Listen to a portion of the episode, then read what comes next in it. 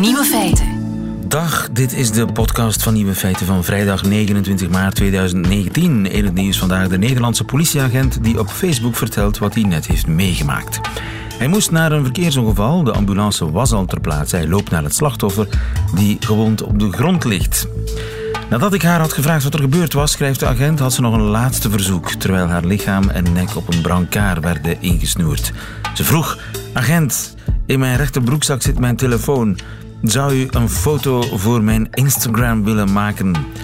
Zou heel wat likes kunnen opleveren. Het ambulancepersoneel keek weg. Ik keek de jonge dame aan en wenste haar sterkte toe in het ziekenhuis en daarna. Het is soms een gekke wereld, schrijft de agent, die overigens geen foto heeft gemaakt. De andere nieuwe feiten vandaag. De paus trekt zijn hand weg als iemand zijn ring wil kussen om hygiënische redenen. De killer van Nieuw-Zeeland gaf 1500 euro aan een vereniging in Oostenrijk. Welke vereniging was dat en waarom deed de killer dat? 50 jaar geleden wonnen vier landen tegelijk het Songfestival. Sander van Horen ziet een verband tussen mannekepis en de grondwet. En de nieuwe feiten van Stella Bergsma, die hoort u in haar middagjournaal. Veel plezier. Nieuwe feit. Eindelijk weten we waarom de paus zijn hand wegtrekt, redelijk brutaal zelfs, als de mensen zijn pauselijke ring willen kussen. De gelovigen die voor hem op de knieën gaan. Het Vaticaan heeft namelijk een officieel statement uitgevaardigd.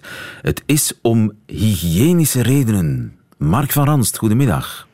Goedemiddag. Viroloog aan de Universiteit van Leuven. Heeft de paus gelijk? Ik denk dat de man 100% gelijk heeft. Zo'n uh, zo'n ring, zo'n pauselijke ring, de vissersring noemt men dat, of de pescatorio, dat is een, een heel zware ring, een grote ring. En bij deze paus is daar een, een reliefafbeelding uh, opgezet van, uh, van de heilige Petrus. En wanneer je dat uh, ongebreideld gaat kussen of laten kussen door mensen, dan komen daar inderdaad bacteriën op die dan doorgaan of overgaan naar de, naar de volgende kusser. Ja, en er zit maar een paar seconden tussen de aanraking tussen de ring en de lippen van gelovige 1 en de aanraking uh, van gelovige 2, hè? Dat klopt, ja. Dat, uh, dat gaat daar aan de lopende band. Um, en ik kan mij indenken dat, uh, dat de paus dan zegt van ja, dat gaan we eigenlijk niet doen. Ik denk ook, ik denk ook niet dat hij dat zo ongelooflijk plezant vindt. Um, dat mensen dat doen. En die hygiënische reden is daar, uh, dat is een goede reden. Ik kan me voorstellen dat de paus s'avonds, wanneer hij gaat slapen, dat uh, die ring afhaalt en dan ergens in zo'n uh, een glasje met wat ontsmettingsmiddel doet. zodanig dat hij de volgende ochtend weer is om door een ringetje te halen. Ik, ik hoop dat dat ontsmettingsmiddel gezegend is. Heel waarschijnlijk wel. Nu, de kerk is een eeuwenoud instituut waar allerlei praktijken, usances zijn, ja, die vandaag de dag nooit meer zouden ingang vinden, omdat ze misschien wel onhygiënisch zijn. Dat klopt, hè. denk maar aan het wijwater. Dat is ook niet automatisch uh, zo bacterievrij. Um, moest men dat nu uh, opnieuw beginnen, dan denk ik niet dat ze dat zouden doen. Trouwens, ik denk dat dat op vele plaatsen ook een droog pakje is geworden. Uh, en misschien maar goed ook. Ja. Nu, maar man kan ook wel zeggen dat deze paus al heel wat dingen veranderd heeft in die pauselijke gebruiken. En dat allemaal wat normaler doet. En ik denk dat het goed is. Ja, en ook de miswijn delen, hè. die priesters delen uh, de miswijn, die drinken uit dezelfde beker, dat soort dingen. Er wordt wel met een doekje gewoon even de beker afgeveegd. Hè. Is dat voldoende? Daar heb ik me eigenlijk nog niet over gebogen. Uh, er zijn heel veel zaken waar ik niet over nadenk. Uh, maar gewoon met een, met, maar met een doekje ja, gewoon een beker proper maken, ja. veegt dat de bacteriën, de ziektekiemen een beetje weg? Nee, natuurlijk, natuurlijk niet. En, en dat doekje zal heus wel herbruikt worden ook. Ja. Dat, uh, ja, dat, dat krijg je niet. Bacteriën krijg je niet weg met vier weesgegroeten. Mark van Ranst. Ik denk dat er uh, dringend een hygiënische conferentie nodig is uh, op het Vaticaan. denk het ook. Dankjewel, Mark van Ranst. Goedemiddag. Met plezier. Nieuwe feiten. De killer van Christchurch die gaf geld aan een Oostenrijkse groepering. De IBE. De IBE. Iko Mali, goedemiddag. Goedemiddag. Je bent docent aan de Universiteit van Tilburg, gespecialiseerd in nieuw rechts. 1500 euro om precies te zijn. Dat is geen gering bedrag voor een jongeman. de man die 50 mensen doodschoot in Nieuw-Zeeland, schonk die 1500 euro aan de IBE. De IBE, wat is dat voor iets?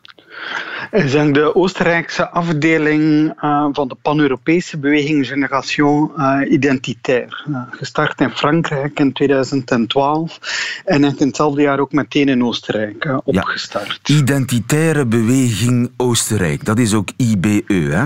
Mm inderdaad, ja. En waarom zo'n fors bedrag geven? Waarom heeft hij dat gedaan? Goh, eh, er zijn een aantal dingen. Hè. Eh, dus uh, wat je ziet is dat die in die identitaire beweging heel succesvol is. Niet alleen in Europa, maar heel snel ook in de Verenigde Staten een afdeling heeft. En, en zeker sinds 2016 beginnen die heel centraal te staan ook in de Verenigde Staten. Dus vanuit de alt-right begint men te kijken naar het succes uh, en naar de actiemodellen van die identitaire beweging. En ik denk 2016, 2017 hebben ze op een bepaald moment crowdfunding acties opgezet om uh, boten te charteren om in de Middellandse Zee actie te gaan voeren tegen middenveldsorganisaties die daar proberen vluchtelingen uh, te redden. Ah, dus dat was eigenlijk de bedoeling. Dus dat geld moest gaan naar anti-vluchtelingenboten. Ik weet dat niet. Ik weet niet in dat geval. Hè. Maar dus je ziet dat ze bekend zijn vanaf dat moment. En dat ze constant oproepen om geld te gaan doneren. En zeker nadat ze van Facebook gegooid zijn en zo verder. Uh, er zijn heel veel rechtszaken ook aangespannen in 2017, 2018 tegen hen. En dus ze hebben constant crowdfunding acties uh, opgezet. En die zijn ingebed in dat uh, nieuwe rechtse netwerk dat globaal is. Dus ik vermoed dat de dader uh, zich gewoon aangesproken voelt, net omdat uh, Generation Identitair dezelfde gedachte propageert als de dader, namelijk de idee van de Great Replacement. de idee dat de blanken uit hun oorspronkelijke naties um, verwijderd worden en dat dat planmatig gebeurt. Vervangen worden, replaced worden als het ja. ware. En dat Inderdaad. moet met alle middelen te vuur en te zwaard worden verhinderd. En met vuurwapens desnoods. Eh, nu, die uh, Australiër, die uh, terrorist, die is eind vorig jaar in Oostenrijk geweest. Heeft hij contact toen gehad met die IBE? Ik heb daar geen weet van. En ik weet dat het dus Martin zelf, de leider, of een van de twee leiders van de Oostenrijkse generatie identitair, ontkent dat met klem. Ah, ja. Dus hij heeft uh, verschillende video's uh, gelanceerd sinds uh, dat ze daar binnengevallen zijn. bij hem de politie is binnengevallen. En dus hij ontkent dat met klem. Hij zegt dat hij daar geen weet van heeft en dat hij ook heel zeker is dat, hij, dat er geen zaak is tegen hem op dat vlak. Ja, maar wel op heel veel andere vlakken zijn zij veroordeeld. Wat wordt er allemaal tegen hen aangevoerd? Ze zijn niet veroordeeld. Ah. Uh, er wordt, ze, ze, worden vaak, uh, ze worden vaak vervolgd op basis van uh, bepaalde terroristische wetgeving en heel vaak gewelddadige acties. Hè. Dus ze zijn gekend om heel spectaculaire acties op te zetten. In moskeeën, in vluchtelingencentra, in plaatsen waar men rond MeToo actief was en zo verder. Men verstoort dat en heel vaak zijn dat de aanleidingen. En is de Oostenrijkse afdeling succesvoller dan de andere afdeling? Want je zegt het is een internationale beweging. Wat je ziet is dat de leider, Martin Sellner van de Oostenrijkse afdeling, elke de laatste jaren uitgegroeid is tot een spel in het globale nieuwrechtse netwerk. En die is dus al lang niet meer louter actief in um, Oostenrijk, maar die, dus zijn beste, zijn verliefde, zijn verloofde, is uh, Brittany Pittibone, uh, die een cruciale rol speelde in um, de alt-right in de Verenigde Staten. En dus je ziet dat uh, heel vaak naar de Verenigde Staten gaat, daar contact heeft met allerhande uh, figuren van de alt-right, maar ook naar Engeland gaat, daar contact heeft met Tommy Robinson, uh, waar ook in Chemnitz in Duitsland toen de Pegida-betoging zo massaal was daar. En dus je ziet dat hij een heel belangrijk spel wordt in die heel radicaal nieuwrechtse beweging op een globaal niveau. Ja, nieuw rechts, alt-right. Je gebruikt met opzet niet de term neonazi. Ja, dit is, ik ben uh, antropoloog van Het is een vraag, hè? Dus, Ja, ik denk dat je moet eh, de, de wortels liggen in de jaren 60, namelijk bij La Nouvelle Droite. De denkschool van Alain de Benoit, Guillaume de Fay, Dominique Venner, die lessen nemen van Nieuw Links uh, op dat moment, hè, mei 68. En die zeggen we moeten leren van uh, de linkerzijde, we moeten eerst een culturele strijd voeren. We moeten strijd voeren rond ideeën. En welke ideeën um, willen ze centraal zetten? Dat zijn de ideeën van de jaren 30. De conservatieve revolutie. De mensen zoals Spengler, uh, Evola, Karl Schmitt en zo verder. Um, en die zijn geen nazi's. Die zijn heel radicaal, zijn bloed- en bodemnationalisten, uh, die zijn um, anti-verlichting, zijn anti-gelijkheid, anti-democratie, uh, maar het zijn nog net geen nazi's. En wat, wat is dan het verschil? um, het, is dubbel. Hè. Dus het, laten we zeggen dat het fascisme en het nazisme groeit binnen die laatste fase van de anti-verlichting. Maar wat dat ze dus eigenlijk zeggen, de grote vernieuwing is dat ze zeggen de nazi's waren imperialistisch, wouden andere volkeren overheersen en een groot uh, levensruim uh, creëren. En dat willen wij niet. Uh, wat wij willen is etnopluralisme. We willen de diversiteit van de mensheid uh, bewaren, uh, maar elkeen heeft zijn eigen lapje grond en die moet homogeen uh, zijn, gestoeld op bloed en bodem. Dus de naties moeten blanke naties zijn. Juist. En is het toeval dat die beweging sterke wortels schiet in Oostenrijk? Ze hebben daar een uiterst rechtse traditie. Hè? Ik denk aan ja. Jurk Haider. Uh, ja, het is ook dus het enige land waar, waar, waar radicaal rechts in de regering zit. Ja. Niet dat soort radicaal rechts, maar toch een soort radicaal rechts. Ja, radicaal rechts. Um, ja, dus wat je ziet is, je ziet een globale evolutie op dit moment naar autoritaire, uh, radicaal rechtse, extreemrechtse stemmen. Maar vooral waar dat er al een, een, een traditie is, staan ze veel sterker dan in andere landen waar het nieuw is. En, en dus je ziet dat Martin Sellner van de Generation Identitaire in uh, Oostenrijk bijvoorbeeld deel is van uh, die studentenbeweging, die gekend staan in Oostenrijk als zeer, zeer radicaal rechts. Inderdaad. Ja. en die dus ook contacten geven vandaar met de FPU en zo verder. Ja. Dus het is geen toeval, nee. En zie jij in onze contraille afdelingen daarvan of vertakkingen daarvan? Schild en Vrienden is eigenlijk uh, na, op dezelfde leest uh, gestoeld. En we weten ook dat Dries van Langenhoven um, naar de zomeruniversiteiten ging uh, van die identitaire beweging, waar dat ze eigenlijk leren om acties op te zetten en bewegingen op te zetten en zo verder. Dus we kunnen best zeggen dat dat um, op zijn minst de onofficiële variant is, uh, of versie is, maar in wezen is die daar wel mee verbonden. Dries ja. van Langenhoven heeft ook toe dat hij uh, Selmer kent. Helder, dankjewel Iko Mali. Goedemiddag. Graag gedaan. Nieuwe feiten. De ontdekking van België. Een wonderbaarlijk avontuur, vol verrassingen en valkuilen en ontdekkingen. Een ontdekkingstocht die al anderhalf jaar duurt voor Sander van Horen, Nederlands journalist in Brussel, correspondent voor de NOS. Dag Sander. Goedemiddag. Sander, wat heb jij deze week van ons land opgestoken? Nou, eigenlijk een paar dingen die ogenschijnlijk niets met elkaar te maken hebben, maar bij nader inzien toch eigenlijk weer alles. Namelijk Manneke Pis en de grondwet. Oké, okay. Manneke Pis en de grondwet. Ja. Juist. Het, het verband is nattigheid. Het, verband is nattigheid. Ja, het verband is ook milieu. En het, het verband is ook het typische België waar bestuurslagen elkaar tegenwerken. Want laten we dan beginnen met Manneke Pis. Dat is zo'n onderwerp wat wij Nederlanders natuurlijk heel erg leuk vinden. Want typisch Belgisch, eh, ook wel toch wel typisch Belgisch dat het manneke eh, al die jaren gewoon drinkwater blijkt te plassen. Wat best zonde is. Dat eh, er op zich heel goed de wens is om dat eh, te recycleren op zijn Belgisch. Wij noemen dat gewoon recyclen. Uh, en dat dan blijkt dat eigenlijk niemand wist dat dat niet al lang het geval was. En dan stel ik me toch een soort papieren berg voor die dan op federaal niveau ligt, dan op Brussels niveau, dan misschien toch ook nog iets met Waalse of Vlaamse gemeenschappen te maken heeft. En dat dus gewoon zoek is hoe de waterhuishouding van jullie bekendste icoon geregeld is. Dus zelfs wat Manneke Pis plast is een communautaire kwestie.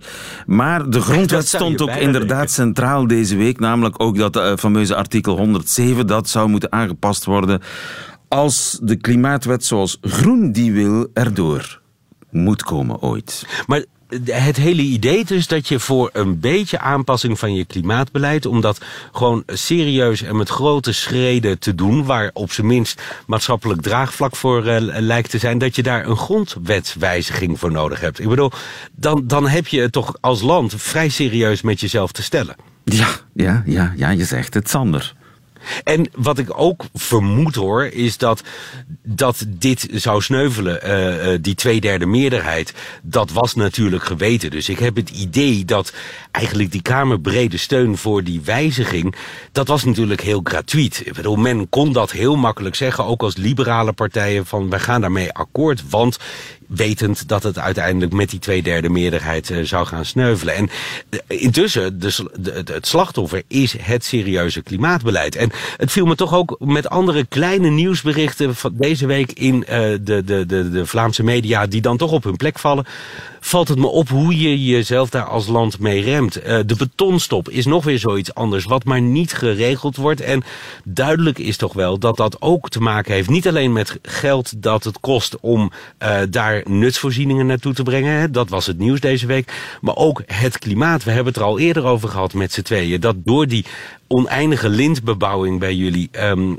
dat daardoor mensen in die auto gedwongen worden. Je moet België serieus op de schop nemen. En je ziet het dus deze week, je ziet het met de herziening van de grondwetten, zie je het voor je ogen mislukken. Ja, dus eigenlijk dat, die hele klimaatdiscussie en wat daar rond gebeurt, dat brengt je meteen... Is heel Belgisch. Is heel erg Belgisch. Ja. Ja, en ook, ik vind, wat dat betreft, vind ik ook het contrast steeds groter worden tussen de klimaatmarsen, de uh, klimaatbrossers, uh, de klimaatoccupies had je zelfs deze week, hè, dat ze kortstondig voor het parlement bivakkeerden in tentjes. Nou, dat contrast tussen die bereidheid om iets te doen. En het contrast met de politiek wordt steeds groter. En ik, ik ben bang. Ik ben helemaal niet bang, want ik observeer alleen maar. Alleen ik zie gebeuren dat het dus eigenlijk al gepiekt heeft eh, voor de verkiezingen. Dus dat het misschien niet eens meer een echt verkiezingsthema gaat worden. En dat zie je ook omdat al die partijen het gewoon Belgische politiek gemaakt hebben. En ik heb inmiddels al wel geleerd eh, van België dat dat dé manier is om een dossier kalt te stellen. Om het in uh, de derde taal van, Duits, van België te zeggen. Ja. Wat ons brengt bij de woordenlijst deze week. Uh, gaan we hem in het Duits doen dan, uh, lieven? Nee, we gaan alleen maar woorden bespreken die door Bart de Wever zijn verzonnen. Want over Bart de Wever gesproken, dat het dus geïnstitutionaliseerd is, dat debat. Dat vind ik het meest duidelijk nog bij uh, de NVA. Waar dus uh, inderdaad op een gegeven moment ook weer zo'n communitair uh, verhaal. België, wat dus slecht presteert op klimaatdoelstellingen, wil een klimaat top gaan huisvesten. Dat te zeggen, België wil dat niet. Nee, Wallonië wil dat. Heeft Brussel meegekregen. Maar wie moet de rekening betalen? Ja, Vlaanderen natuurlijk. En dat de NVA dan zegt, en dan mag jij je woordenlijst met Bart de Wever doen, maar dit wilde ik toch nog even kwijt, want het paste ook weer in het verhaal dat de NVA dus zegt van ja, meebetalen aan een klimaattop, zullen we niet gewoon zonnepanelen organiseren op uh, sociale huurwoningen? Dan is je geld voor het klimaat veel beter besteed. Dus dat vond ik ook weer een duidelijk voorbeeld. Ten eerste van dat communitaire tintje, wat dus België België dwars zit. En ten tweede van de manier waarop ook partijen die klimaatkritisch zijn... het debat naar zich toe hebben weten te trekken. En het daarmee dus de angel eruit hebben weten te halen. Alles wordt uh, verbelgist en dan ontstaat er een soort van ja, stilstand eigenlijk. Soep, Soep ja, Soep. zeker. Oké, okay. yogasnuivers. Wat zijn yogasnuivers? yogasnuivers? Het is Bart de Wevers. Het is niet Vlaams, het is Bart de Wevers. Oké, dan denk ik dat dat, uh, als ik dan vanuit Bart de Wever redeneer, mensen zijn die kook snuiven, maar dan in hippe clubs en uh, op die manier dus de vraag naar cocaïne in stand houden. Bijna. Yogasnuivers zijn mensen die uh, tijdens de week aan yoga doen, maar in het weekend, in het weekend? gaan clubben en snuiven. Okay, Yogasnuivers. Ecorealisme. Ja, dat is uh, wat het NVA zichzelf uh, noemt. Hè. Dus dat is inderdaad uh, zeggen schone energie. Prima, laten we dan kerncentrales doen. Het is zeggen je kunt een klimaattop organiseren, maar je kunt ook zonnepanelen installeren. Dat is wat zij ecorealisme noemen. Ja, realistische combinatie van economische vooruitgang en ecologische innovatie, zoiets. Mm -hmm. Seksuele diarree. Seksuele diarree. Seksuele, oh. dat is echt vintage Bart de Wevers. En is dat zijn conclusie op het moment dat hij naar Temptation Island heeft gekeken of zo? Of naar Goede Liekens heeft geluisterd? Wat, uh, wanneer, uh, wanneer zegt hij dat? Ik denk het wel, ja. Dat zou best kunnen. Ja. Dat zou best kunnen. Ja. Maar wat betekent het? Ik heb geen idee. wel, uh, volgens hem heeft ooit uitspraak gedaan, uh, we zitten in oversexte tijden. In de jaren 50 zaten we in tijden van seksuele constipatie. En nu is het seksuele, diarree. En dat zei hij inderdaad naar aanleiding van een documentaire over seks bij jongeren. Juist. Ja, je wordt er steeds beter in. Ik vrees dat ik mijn woordenlijst een beetje moeilijker zal moeten maken volgende week. Ik zou er weer gewoon wat meer West-Vlaams of uh, Limburgs in doen. Dat Antwerps, dat gaat me nog wel redelijk af, geloof ik. Oké, tot volgende week. Dag Sander. Dag lieve. Nieuwe feiten. Het ondenkbare gebeurde toch vandaag precies 50 jaar geleden. Vond in Madrid het Eurovisie Songfestival plaats. André Vermeulen, goedemiddag. Goedemiddag. 1969. Op hoeveel? Ja, 29 maart 1969. Wie won toen het Songfestival? Dat is een uh, ingewikkeld verhaal. Uh, het werd bijvoorbeeld gewonnen door Nederland, uh, Lenny Koer, de Troubadour.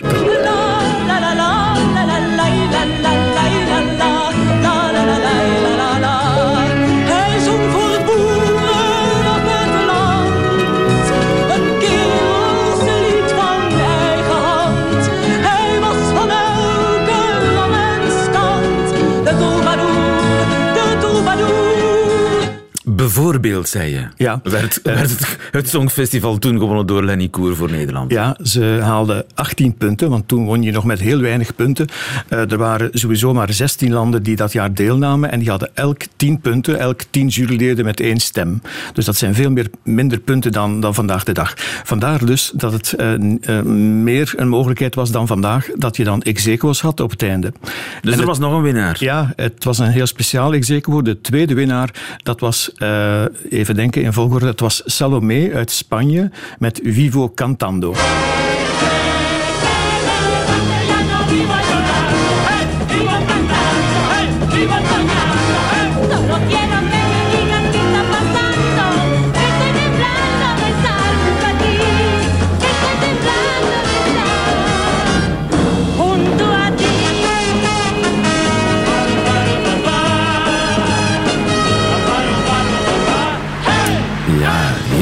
De echte originele opname van toen.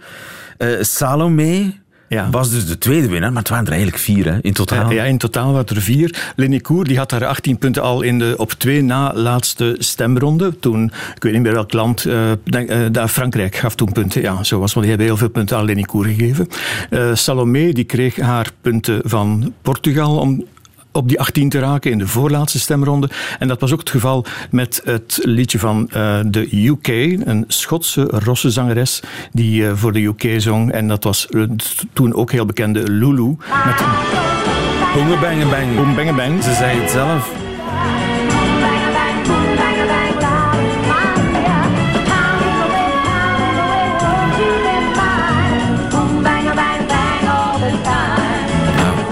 Ze dan een keer Engeland of eh, de Verenigde, het Verenigd Koninkrijk met uh, Boom Bang Bang. moesten ze die eerste plaats delen met vier met drie anderen? Ja, en de vierde die kwam uit uh, Frankrijk. En dat werd bepaald door het laatste land dat zijn punten gaf. Dat was uh, Finland en dat ja. was Frida Boccara. En dat was nog even uh, moeilijk, want die laatste, die, die waren ze eigenlijk bijna vergeten. Hè? Ja. Nous sommes arrivés à la fin.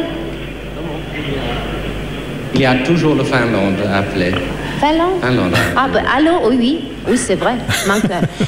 Hallo Finlande? Ja, hallo Finland. Ja, dat gebeurde ook trouwens in 1967. Toen werd ook het laatste land vergeten. Dat was toen Ja. Ierland dat punten moest geven. En ja, dan, moest, dan is dus altijd iemand van Eurovisie aanwezig die dat allemaal goed in de gaten houdt. Dat jaar in 69 zat die man zelfs in een hoekje op het podium aan een tafeltje met twee assistentes te kijken of alles wel perfect eh, zou verlopen. Maar toen waren er eigenlijk al drie ex aequo's. Ja. En dan kwam die laatste... Ja, maar dat laatste land had natuurlijk nog met, eh, als die bijvoorbeeld één punt meer hadden gegeven aan Frankrijk, dan was er maar één winnaar geweest. Ja. Maar je voelde al eh, tijdens die laatste rondes hoe het Dat- in het publiek, dat er echt zo al eh, ge- geroezemoes was van mensen die dachten, kijk, en nu nog een land dat zoveel punten heeft en nog een land daarbij, drie al. En dus het was aan Finland om eventueel punten anders te verdelen, waardoor bijvoorbeeld Frankrijk meer punten kreeg en als enige winnaar had kunnen uitkomen op het einde. Dus tot helemaal op het einde was het helemaal niet duidelijk dat dat een ex aequo van winnaars was. Hè? Ja, ja, want, want ook de presentatrice was op een gegeven moment echt het noorden Yo voy a kwijt. pedir por favor a Mr. Brown que sea él quien me diga exactamente los vencedores de este año. Il y, en- il y a en effet quatre gagnants cette année, quatre ex aequo. There are Quatre, four winners this year. quatre gagnants cuatro ganadores ex seco. Zat jij toen met kloppend hart voor de kleurentelevisie? Eh, André? absoluut. Ik heb dat gezien, het Songfestival. Eh, het is een van de eerste die ik gezien heb. 67 was het eerste. 68 mocht ik niet kijken, omdat ik eh, vroeg naar bed moest. En eh, ja, 69 heb ik dus echt wel live meegemaakt. En die spanning ook. En dat ongelooflijke resultaat, dat, dat hou je nauwelijks voor mogelijk. hè. Ook, hè? Ja, er was dus geen enkel reglement eh, dat bepaalde wat er moest gebeuren in het geval van ex aequo. Iedereen had gewoon gewonnen. Ja. En ja, dat is... Qu'est-ce que eh, je fais avec le prix Je donne Il faut simplement donner les quatre parce qu'il y a quatre gagnants l'un après l'autre. quatre gagnants. Donc euh, j'appelle les quatre gagnants sur le Oui. scénario. Bon. Het moet nog nooit zo spannend zijn geweest, eigenlijk. Nee, en eh, dan was er een medaille voor eh, zowel de vertolker die won, als, of de vertolkers, kon ook een duo geweest zijn, en, en ook voor de tekstschrijver en de componist. Dus er waren vier bekers. Eh, medaille, het waren medailles. Ja. hè. Hele chique medailles, Eurovision en zo. Maar eh, ja, er waren natuurlijk niet genoeg medailles voor al die mensen die er plots op het podium verschenen. Vier vertolkers, vier eh, keer componisten en, en tekstschrijvers. Dus voor zoveel mensen waren er geen medailles. Hè. Dus hebben uiteindelijk alleen toen, op dat moment, alleen de uitvoerders een- de medaille gegeven. En later, nadien kreeg dan iedereen ook zijn... Oei. Je, je, je hebt, je hebt in je enthousiasme... een flesje water omgestoten. Ja, en de jinglebak. Ook nog. Waardoor, maar we hebben eigenlijk nog eh, de, de winnaar nummer vier niet laten horen. Dat moeten we Nee, dat- eigenlijk ja. nog goed maken. Die was ook al mooi. Un jour se lèvera sur trois branches de lilas qu'un enfant regardera comme un livre d'images. Frida Boccara, zij is eh, niet meer onder ons. Zij is eh, als enige van de drie, van de vier winnaars eigenlijk eh, overleden. Ja, de andere ik. drie die leven nog. Ja. Frankrijk was winnaar nummer vier naast gastland Spanje, naast Engeland. In Nederland. En Nederland Ja. met Lenny Koer. Nee, de- en de. Koer was mijn favoriete winnaar. eigenlijk. Ja. Kan dat ooit nog gebeuren, zo'n ex aequo? Wel, het is om te beginnen veel minder waarschijnlijk dat dan toen dat het nog kan gebeuren. Toen waren er weinig landen die deelnamen, nu zijn er zoveel meer landen. Eh, toen waren er veel minder punten te verdelen, nu zijn er zoveel meer punten. Eh, het record van winnen met eh maximaal aantal punten, dat is van die Portugees van twee jaar geleden, Salvador Sobral. Die had 758 punten. Dus tegen dat je op dat niveau met twee gelijke scores staat, dat is al moeilijker dan als het maar om Als 18 het- punten gaat. Als het dan toch zou gebeuren, zijn er dan oplossingen? Wel, er zijn eh, een paar reglementswijzigingen geweest om dat op te vangen. En zo kwam in 1991 was er plots een ex aequo. En je had Carola uit Zweden. Van het af en storm. Ja, absoluut, dat ja. En eh, ook een veel mooier liedje volgens mij van Frankrijk, Amina en C'est le dernier qui a parlé, qui a raison. Le dernier qui, eh, qui a gagné, qui a Qui a raison. parlé, qui a raison. Ja, ja, ja, ja. En ik, ik geloof dat ze was zo boos dat ze zei: C'est le dernier qui a triché, qui a gagné. Dat herinner ik mij niet, maar Ah, het ja, zou ja, heel goed kunnen. in interviews gezegd. Ja, dat kan ik me voorstellen, want ze maar was had echt niet over eigenlijk evenveel punten als de winnaar. Ja, ja. Inderdaad, dus met twee hadden ze evenveel punten. En toen was het reglement, dan gaan we eerst tellen wie het meeste keer 12 heeft gekregen, het maximum. Dan uh, meest tienen uh, en dan meest achten. En daarna zou het, wie dan nog op gelijke stand, stand stond, die, dan waren ze allebei gewonnen bijvoorbeeld. Hè. Maar in dit geval was er een verschil bij de tienen. Uh, Zweden had meer tienen dan Frankrijk. En daardoor won Zweden en helaas niet Amina voor Frankrijk. En ik herinner me dat het plaatje van Amina in Italië is uitgekomen met daarop uh, Il brano più votato. Dat betekende het liedje dat van de meeste landen punten heeft gekregen. Aha. En dat is ook de regel die later voor die 12-10-8 selectie uh, is gezet. Dus toen werd het uh, wie van de meeste landen punten heeft gekregen. Dat is meestal, staat meestal haaks op meest maxima krijgen. Want als je van de meeste landen punten hebt gekregen, je hebt evenveel, dan heb je meer lagere scores. En dat is heel ingewikkeld. Dat is hogere wiskunde, ja, maar je bedoelt het. eigenlijk dat met een latere uh, reglementswijziging had eigenlijk Moeten winnen. Absoluut, ja. ja, ja, ja. Ook dan, maar eigenlijk in 1969, wie had toen moeten winnen? Bah, van die vier vind ik Nee, nee, nee. Wie gaat toen moeten winnen? Ah, oké. Okay. Ja, wel, er werd natuurlijk tevoren gezegd dat wij weer eens gingen winnen. Aha. En we hebben ook veel punten gekregen, bijvoorbeeld van Spanje. Want dat land dat liefde daar ook dat België ging winnen. En dat was Louis Neefs, die voor de tweede keer deelnam met Jennifer Jennings. De morele winnaar. Mogen we hem na 50 jaar de morele winnaar, hem tot de morele winnaar uitroepen van het uh, Songfestival 1969. Louis Neefs. Dankjewel. Graag gedaan. Nieuwe feiten. Middagjournaal. Liefste benedenbuurtjes, dit is alweer mijn laatste middagjournaal. Wat gaat de tijd toch snel? En omdat ik heel graag een full circle moment met jullie wil bereiken, wil ik het even hebben over een rel die zich nu in Nederland afspeelt. Het gaat over de lavendelprins Thierry Baudet, of Thierry Baudet moet ik volgens mij zeggen, en het woord boreal. En als u braaf heeft gedaan wat ik u aan het begin van de week heb gevraagd, namelijk deze termen googelen, dan wist u dit al. Nou, Thierry kent u natuurlijk nog van zijn optreden in het programma De Afspraak, waar hij zat met mijn geliefde columnlega en feministe sister Helene de Bruyne, waarmee ik afgelopen maandag nog een appeltje te beffen had. Zoals ik al zei, full circle. Ik zal de nederophef even kort samenvatten. Men maakt zich druk om de hondenfluitjes die onze chair al dan niet in zijn speeches stopt. Met hondenfluitjes wordt dan bedoeld bepaalde termen die tussen de woorden ingewoven worden en alleen door de goede verstaander begrepen worden. Zoals alleen honden die hele hoge tonen kunnen horen. De term boreaal zou zo'n term zijn. Een woord dat volgens sommigen alleen in extreem rechtse kringen wordt gebruikt en staat voor blank, terwijl het ook gewoon noordelijk betekent en onze nieuwste messias het natuurlijk zo bedoelde. Op Twitter roept hij dan ook verontwaardigd dat hij het van Baudelaire heeft en dat het woord door zijn tegenstanders opzettelijk verkeerd wordt uitgelegd om hem te framen. Wat hem natuurlijk alleen maar weer populairder maakt bij zijn kiezers en hem weer in opspraak brengt. En daar komt volgens mij de boreaal uit de mouw. Ik denk namelijk helemaal niet dat onze francofiel een hondenfluiter is die stiekem fascisme wil communiceren. Nee, Baudelaire is een hondenlokker die expres ambivalente dingen zegt om relletjes te veroorzaken tussen zijn volgers en tegenstanders, waarna hij weer kan gaan jammeren dat hij gedemoniseerd wordt. Kortom, hij doet het erom. Daarom is er ook geen touw vast te knopen aan zijn speeches. De schijnbaar samenhangende verhalen over een vervlogen tijd die nooit heeft bestaan. Over de wedergeboorte van de renaissance, een soort renaissanceception. Riefenstaliaanse lucide koortsdromen in woest blanke, of moet ik zeggen woest boreale pracht. Willekeurige schrijvers en dichters worden erbij gesleept alsof ze allemaal bij Cherry in hetzelfde potjes Latijnklasje hebben gezeten. En ondertussen is iedereen er al dagen weer over bezig. Hmm, ook ik. Ja, zoals ik al zei, hij is geen hondenfluiter, maar een hondenlokker. En de honden, dat zijn wij.